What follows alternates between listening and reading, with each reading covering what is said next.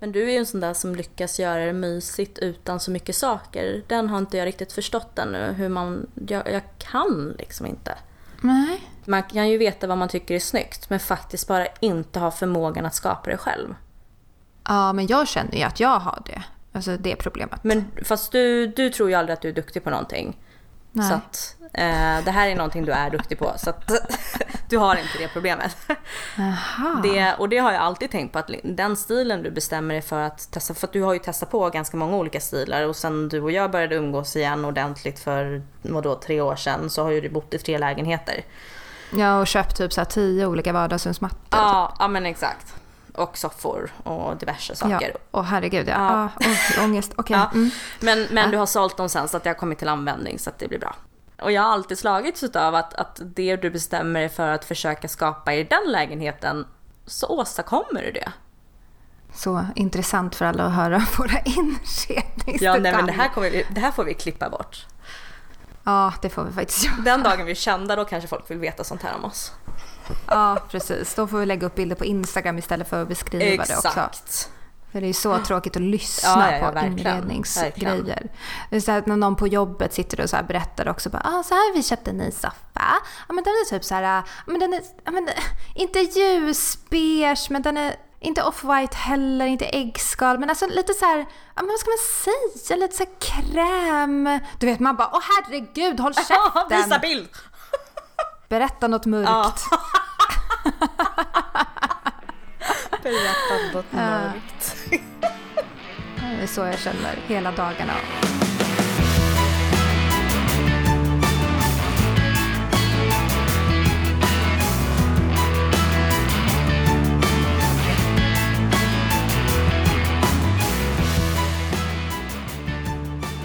Men eh, ja, den här jävla dokumentären.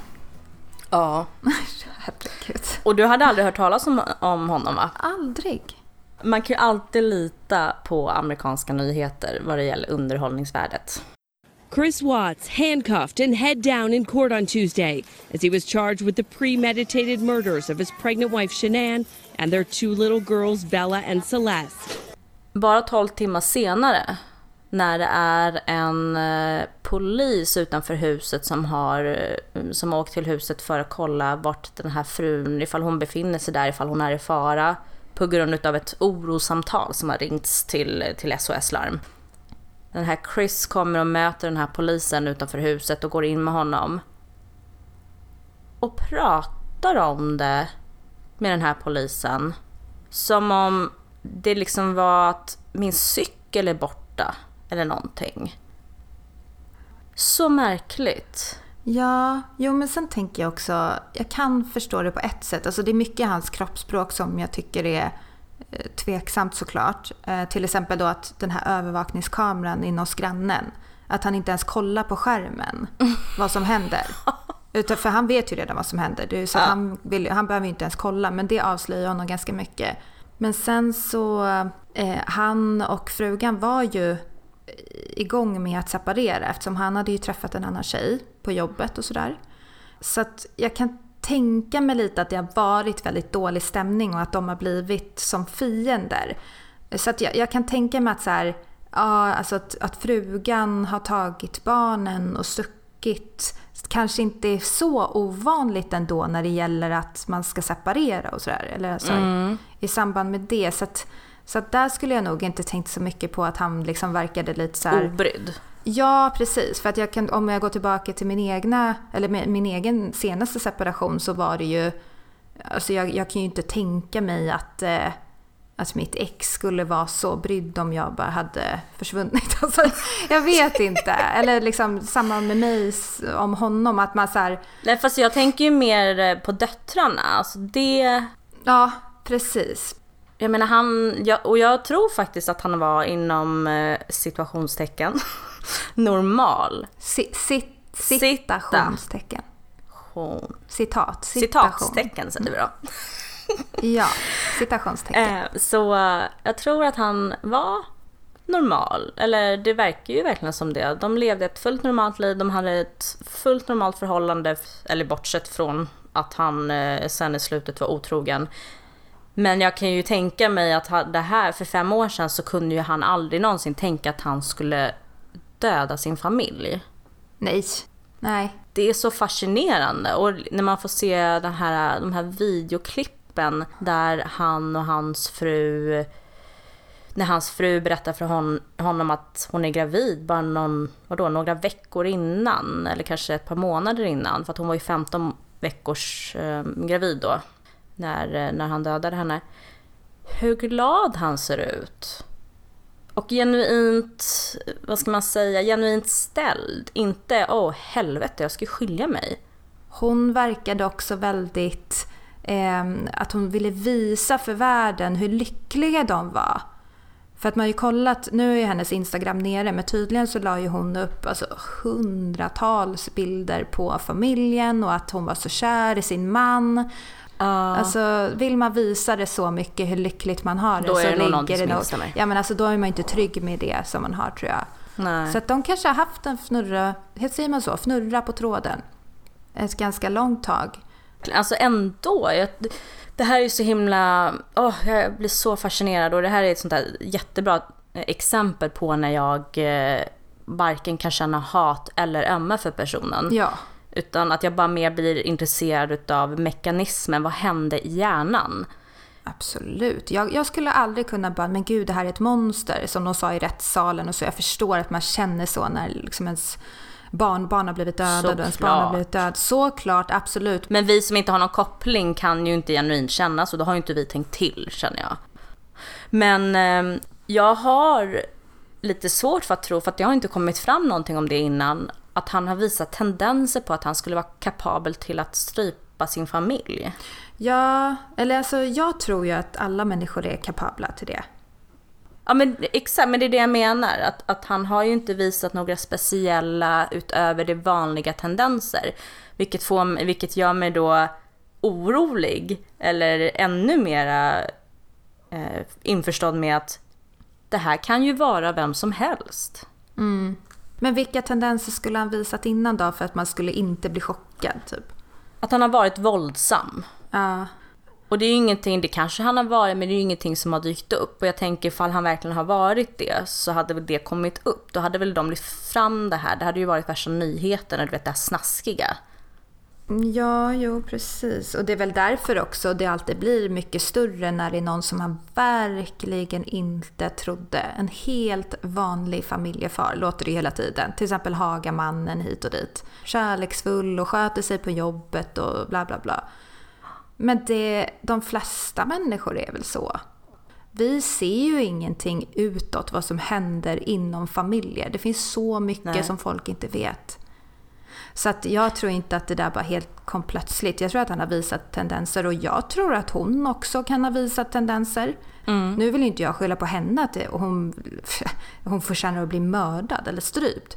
Men jag menar att jag tror inte att det hela tiden är one way. Där kom jag med engelska.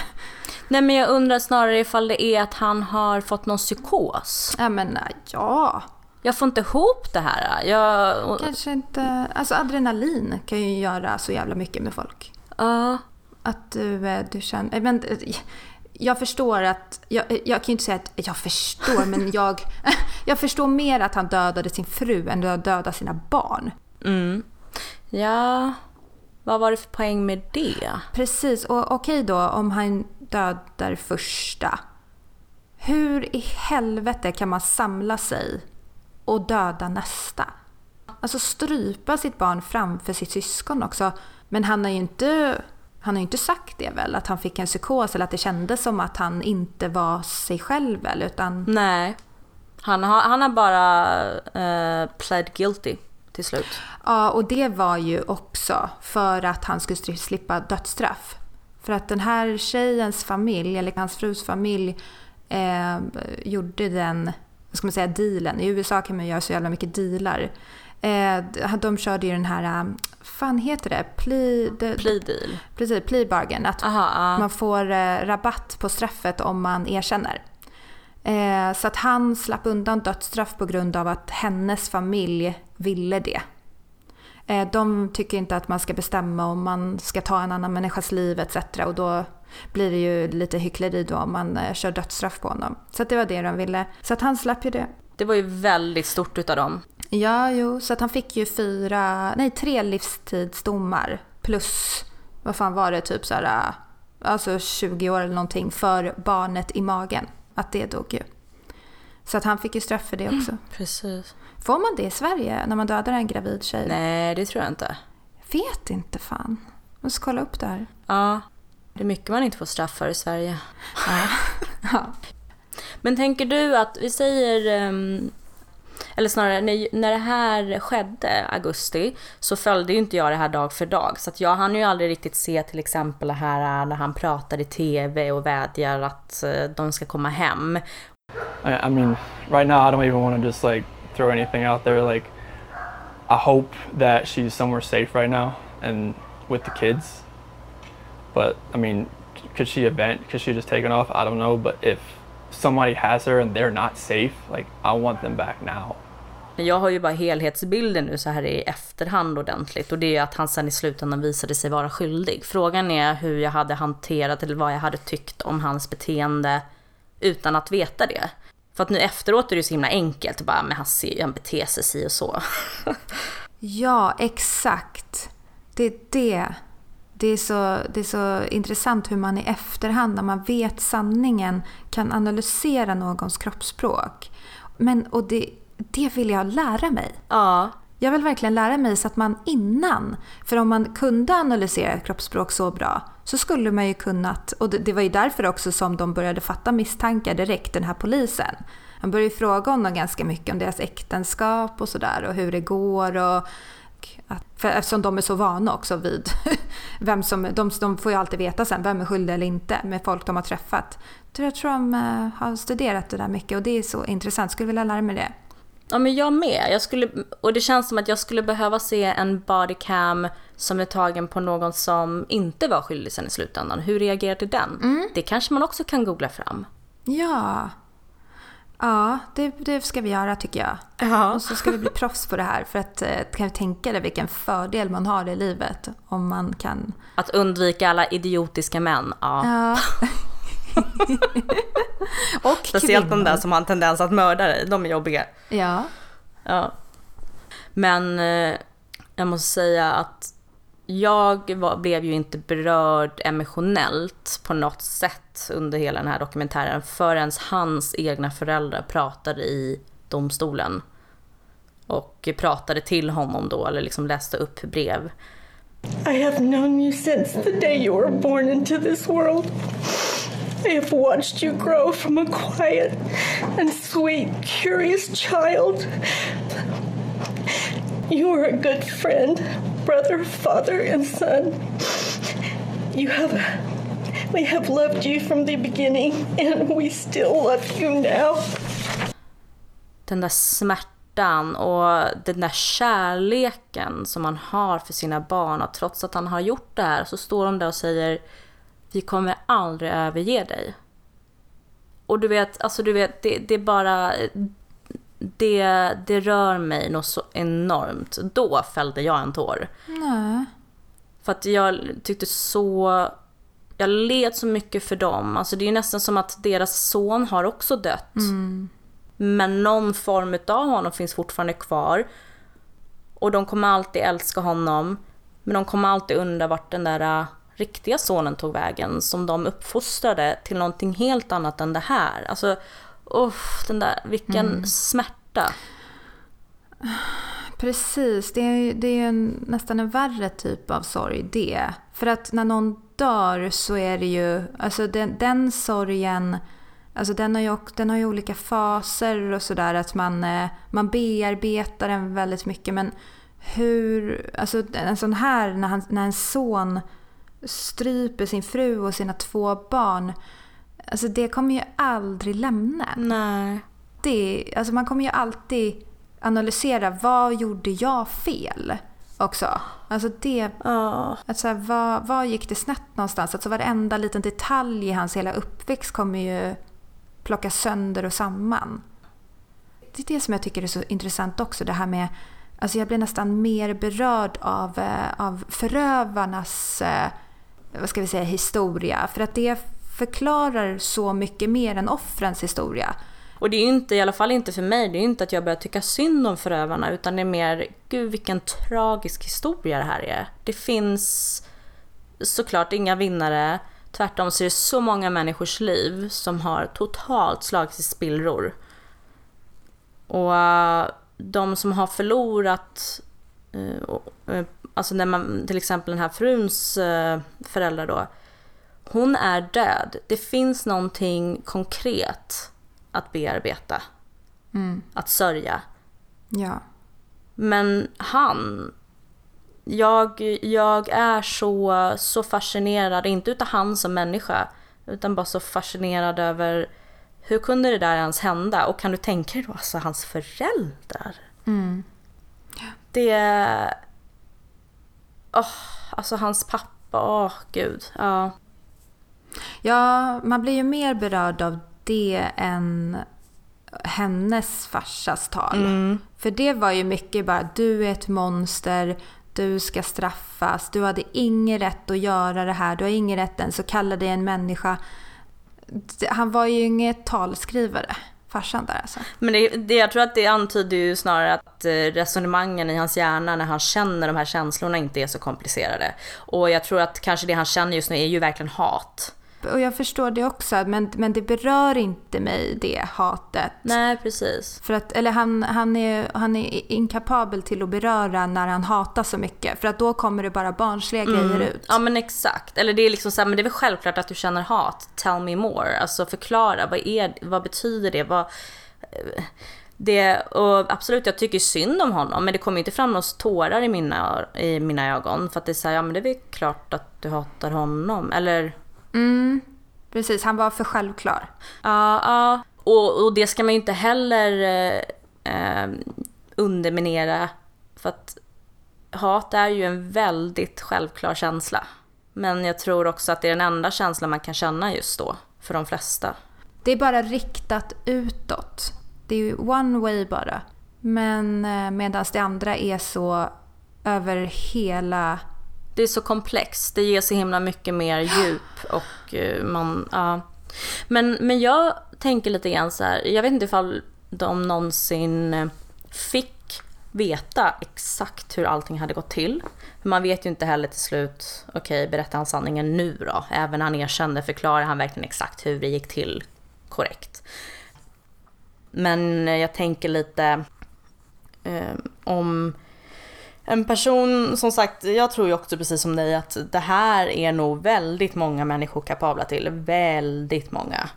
Även mm. de som aldrig kommer göra det är egentligen kapabla till det. Och jag tänker lite, vad kan det vara för orsak till att det där är det, den taktiken man tar till för att hantera någonting väldigt tufft och jobbigt som händer både i en, i en period i ens liv men också i en specifik situation när det verkligen når sin, sin peak. Vilket, kanske, vilket uppenbarligen då var den där natten eh, när, han, när han strypte henne eller ströp henne. Och då tänker jag, mm. är, det för, är det bristande förmåga på att sortera sina egna känslor och tankar? Att det är det som gör så att nej, nu bara grottmänniskor strategi. Döda eller bli dödad. Förgörs eller förgöra. Mm. Eller vad är det för någonting?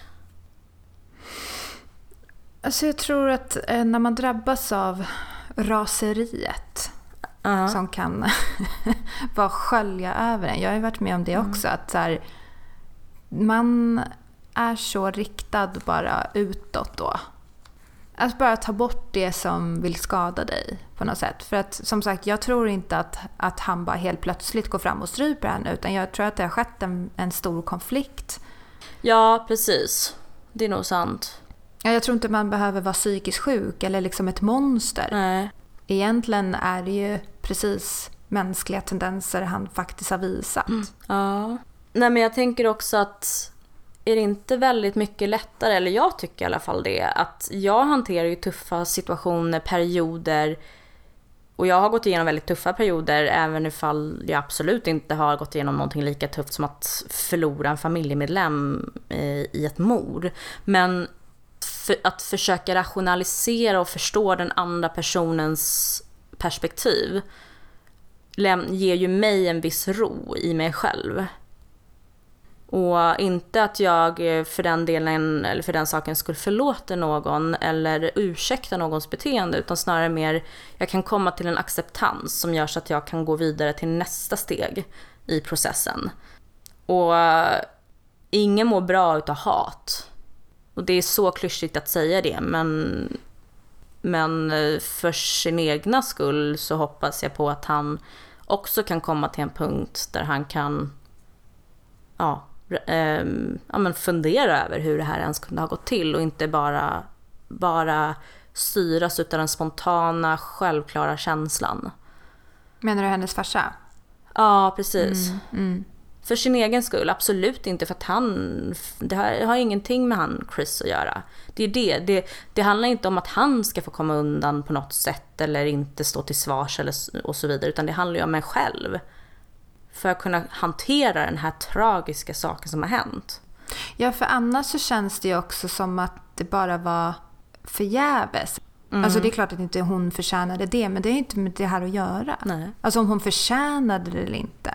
För han var ju mycket inne på det här med att hon var ju så kärleksfull och hon var ju hit och dit. Men det är ju helt oviktigt verkligen i den här uh, jag skulle vilja fått fram någonting mer ur honom än bara ja. enkla känslor. Alltså han var ändå en, en, en äldre man. Han borde vara visare än så. Men som sagt, det, kanske, det är ju också mänskligt att visheten spelar fan ingen roll när hatet tar över. Nej, och sen var ju han också i början utav sin, eh, sin sorgsprocess. Ska vi komma ihåg. Man är inte speciellt, man, man har inget djup i den känslan. Nej, men hans föräldrar hade djupet. Men det är ju också för att de är delade såklart. För de, för de kan ju inte känna hat såklart. Nej. Det funkar inte så. Men, eh, Undrar ifall de har pratat med varandra överhuvudtaget. Ja, men det tror jag nog. Tror du? Eller jag hoppas det i alla fall. Det tror jag kommer hjälpa dem ganska mycket. Jag skulle verkligen vilja följa det här. Hur tar man reda på mer information om det här ifall de inte skriver om det? Jag vet inte. Ska vi skriva brev till Chris Watts? Det är det. Han har ju fått massa beundrarbrev nu läste jag. Ja, det är klart han har. Herregud beundrarbrev också, det är det. Ja, ja, det var massor med tjejer som hade skickat så här bikinibilder på sig själva och så läste jag. Jag skulle ju vilja skicka brev och fråga, kan du ställa upp på en intervju? Ja. Men... Nu ska jag googla. Vi är ju inte de första som tänker så. Nej men gud. Ska se här vad de skriver. Livstidsdömde Chris Watts får dussintals kärleksbrev i fängelset. I några av breven som Chris, Chris fått till fängelse har kvinnorna skickat med en bild på sig själva en kvinna från New York som heter Tatiana har skickat ett fotografi där hon är klädd i en bikini. I brevet skriver hon bland annat “Jag tänker på dig dag och natt”. Men vad är det för fel på människor? Ja men alltså, gud. Hatar kvinnor. Det här är sådana här som typ vill bli strypta till döds medan de har sex, eller vad? Men, men vilket stort och fint hus de hade, jag vill också ha sånt. Ja, men åh herregud att amerikaner inte lär sig gällande inredning någonsin. När de har så jävla fina hus, garageuppfarter, stora liksom, ja men hektar av bara mm. tomt. Så ska de göra det så jävla fult. Mm. Ja det är märkligt faktiskt. Med sten, stenveranda typ, eller så sten, stentomt. Ja men egentligen alla stilar kan man ju göra snyggt men det är som att de inte ens, eh, de vet inte hur man håller sig till en stil. Och så tar de massa fula detaljer från massa olika stilar. Ja. De har verkligen inte förmåga att se vad som är snyggt. Nej. I alla fall inte lika mycket som svenskar har. Precis, men, men tycker de att vår stil är snygg? De tycker att vår stil är extremt snygg tror jag. Jaha, varför har de inte så då? För att det är inte så himla lätt. Det är ju samma sak, jag kan ju se en tidning, en bild och tycka åh gud vad snyggt, men inte sen få till det själv. Om jag inte då köper exakt varenda liten pinal som jag ser på bilden. Mm, men det är så pass olika. Alltså de hade ju, för det första har de ju heltäckningsmatta matta i varenda jävla rum och så mm. något så litet glasbord i ett sånt stort eh, vardagsrum. Ja, de hade ju för sig inte så mycket möbler. Det var ju väldigt tomt alltså. Nej, de hade ju inte det. Men så här, inga växter någonsin. Nej, ja, det känns ju inte som ett hem. Det känns som att man kommer in på ett kontor där man har försökt göra lite myshörna. Men det kan jag bli irriterad på också i Homeland lite, att det inte var realistiskt gällande just den här inredningen. Varje person de var hemma hos hade ju så jävla snygg inredning. Ja, men till och med när de åkte ut liksom så till förorten och var inne hos någon imam och hans fru. Då var det ju så här, då skulle det vara så här, nästan som tagen ur en eh, inredningstidning eh, med så här, ja, lite så orientalisk stil. Du vet, det stod så här te, snygga te... Vad heter det? Te... Kannor. Tekannor och, och fina stora krukor med så växter och så. Fast det har inte de väldigt, väldigt mycket saker i läget. Alltså, om vi nu ska vara stereotypiska så känns det som att eh, går man in i en, i en lägenhet eller ett hus eh, som ägs utav eh, ja, en, en vad är, vad, jag vet inte vart han var ifrån. Afghanistan, Irak. Ja, vi säger Irak då kanske. Ja, vi säger Irak. Um, så, så är det ju väldigt mycket saker som händer. Det är mycket saker som händer men det är inte snyggt. Och det var det här. Tycker du? Var det? Ja, det kanske var. Ja, ja, när de satt där och drack te då tänkte jag så där vill jag ha. Aha, ja, det är märkligt. Och det är ju, har man ju aldrig tänkt när man går in i, i ett hem där någon från Mellanöstern bor. Nej, det är kanske lite ovanligt. Men ett nytt ord som kom upp på senaste tiden är ju fertility fraud. Vet du vad det är? Nej. Jag såg en video på Youtube i veckan om ett par i Texas som på 80-talet hade lite problem att, eh, att få barn.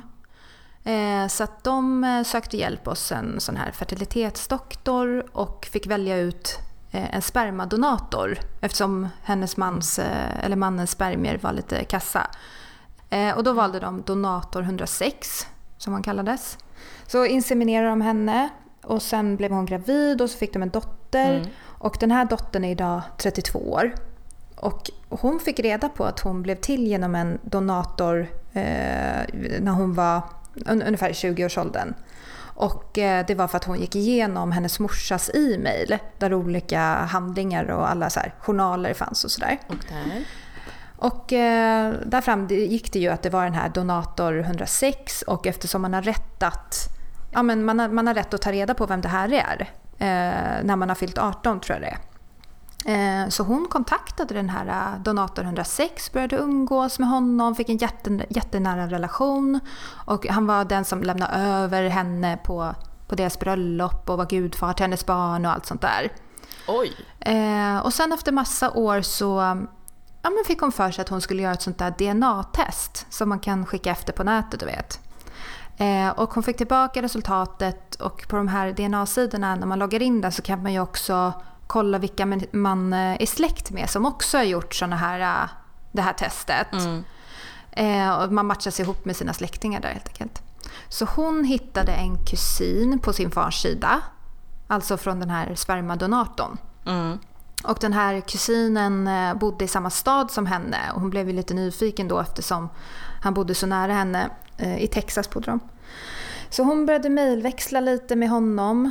Frågade honom om han visste om några andra släktingar som inte fanns med på den här DNA-sidan och så för att ta reda på vilket sätt de var kusiner. Mm. Och då svarade han att eh, nej, han hade inte så bra koll på släkten här omkring men han hade i alla fall en morbror som han visste bodde i deras stad.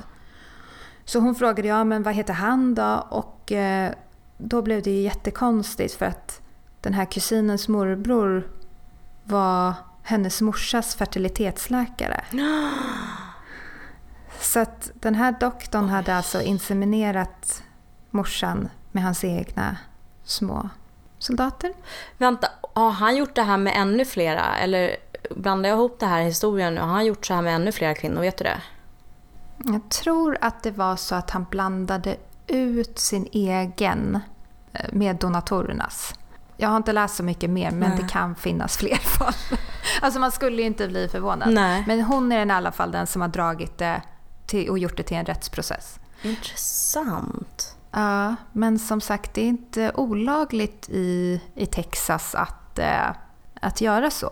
Nej, det finns ju inte någon lag ännu som skulle beskriva det här fenomenet. Nej, precis. Alltså man undrar ju så här, för att det, är ju- man skulle ju känna sig våldtagen. Eller i alla fall bedrägeri på något sätt. Alltså väldigt allvarligt bedrägeri. Men det kanske alltid måste ha med pengar att göra ifall det är bedrägeri. Alltså du har ju bedragit någon. Ja. Så det är klart att det är ju... Men alltså det, det sku, jag, jag tycker att det skulle vara ja, men i stort sett samma som... alltså våldtäkt. värre såklart än våldtäkt eftersom du får ett barn också med honom. Ja, precis. Så nu har liksom någon människas ehm, kroppsvätska satts in i den här personens kropp som inte ville ha den personens kroppsvätska i sig. Och inte bara kroppsvätska utan gener. Och man skulle känna sig, för att, har du hört talas om också att varje person du har sex med, alltså varje kille du har sex med, en del av deras DNA stannar i din kropp. Åh herregud vilka dåliga gener jag har. Men vänta, berätta mer om det här nu. Det Ska jag här... kolla här? Mm, Jag ska googla. ja. Eh, sex, DNA, kan ju vara fake. Då har jag ljugit här. ja, nu har jag fått en... Äh, vänta, nu har inte jag gått in och läst här. Men Mm. Eh, global news. No, women do not absorb and retain DNA from every man. Men jag har inte öppnat och läst den. Eh, sen så är det women might have male DNA in their body. Ja. ja, det var ju någon studie här som jag gjort. Abs- women absorb and retain the DNA. Ja. false stories this week on a new study Var that det falskt alltså? purported. Står alltså enligt den här sidan. Alltså här, det är ju ändå en studie här. Ja precis, är studien äkta? Är den det? Eh, nej men det, precis, det är det jag undrar. För att här står det ju att det är en falsk studie. Jaha. Alltså det måste ju vara alla de här kristna som vill att vi ska sluta Måste de vara kri- kristna? Okej, sådana som inte tycker om att folk njuter i största allmänhet. Nej jag tänkte mer religiösa i allmänhet.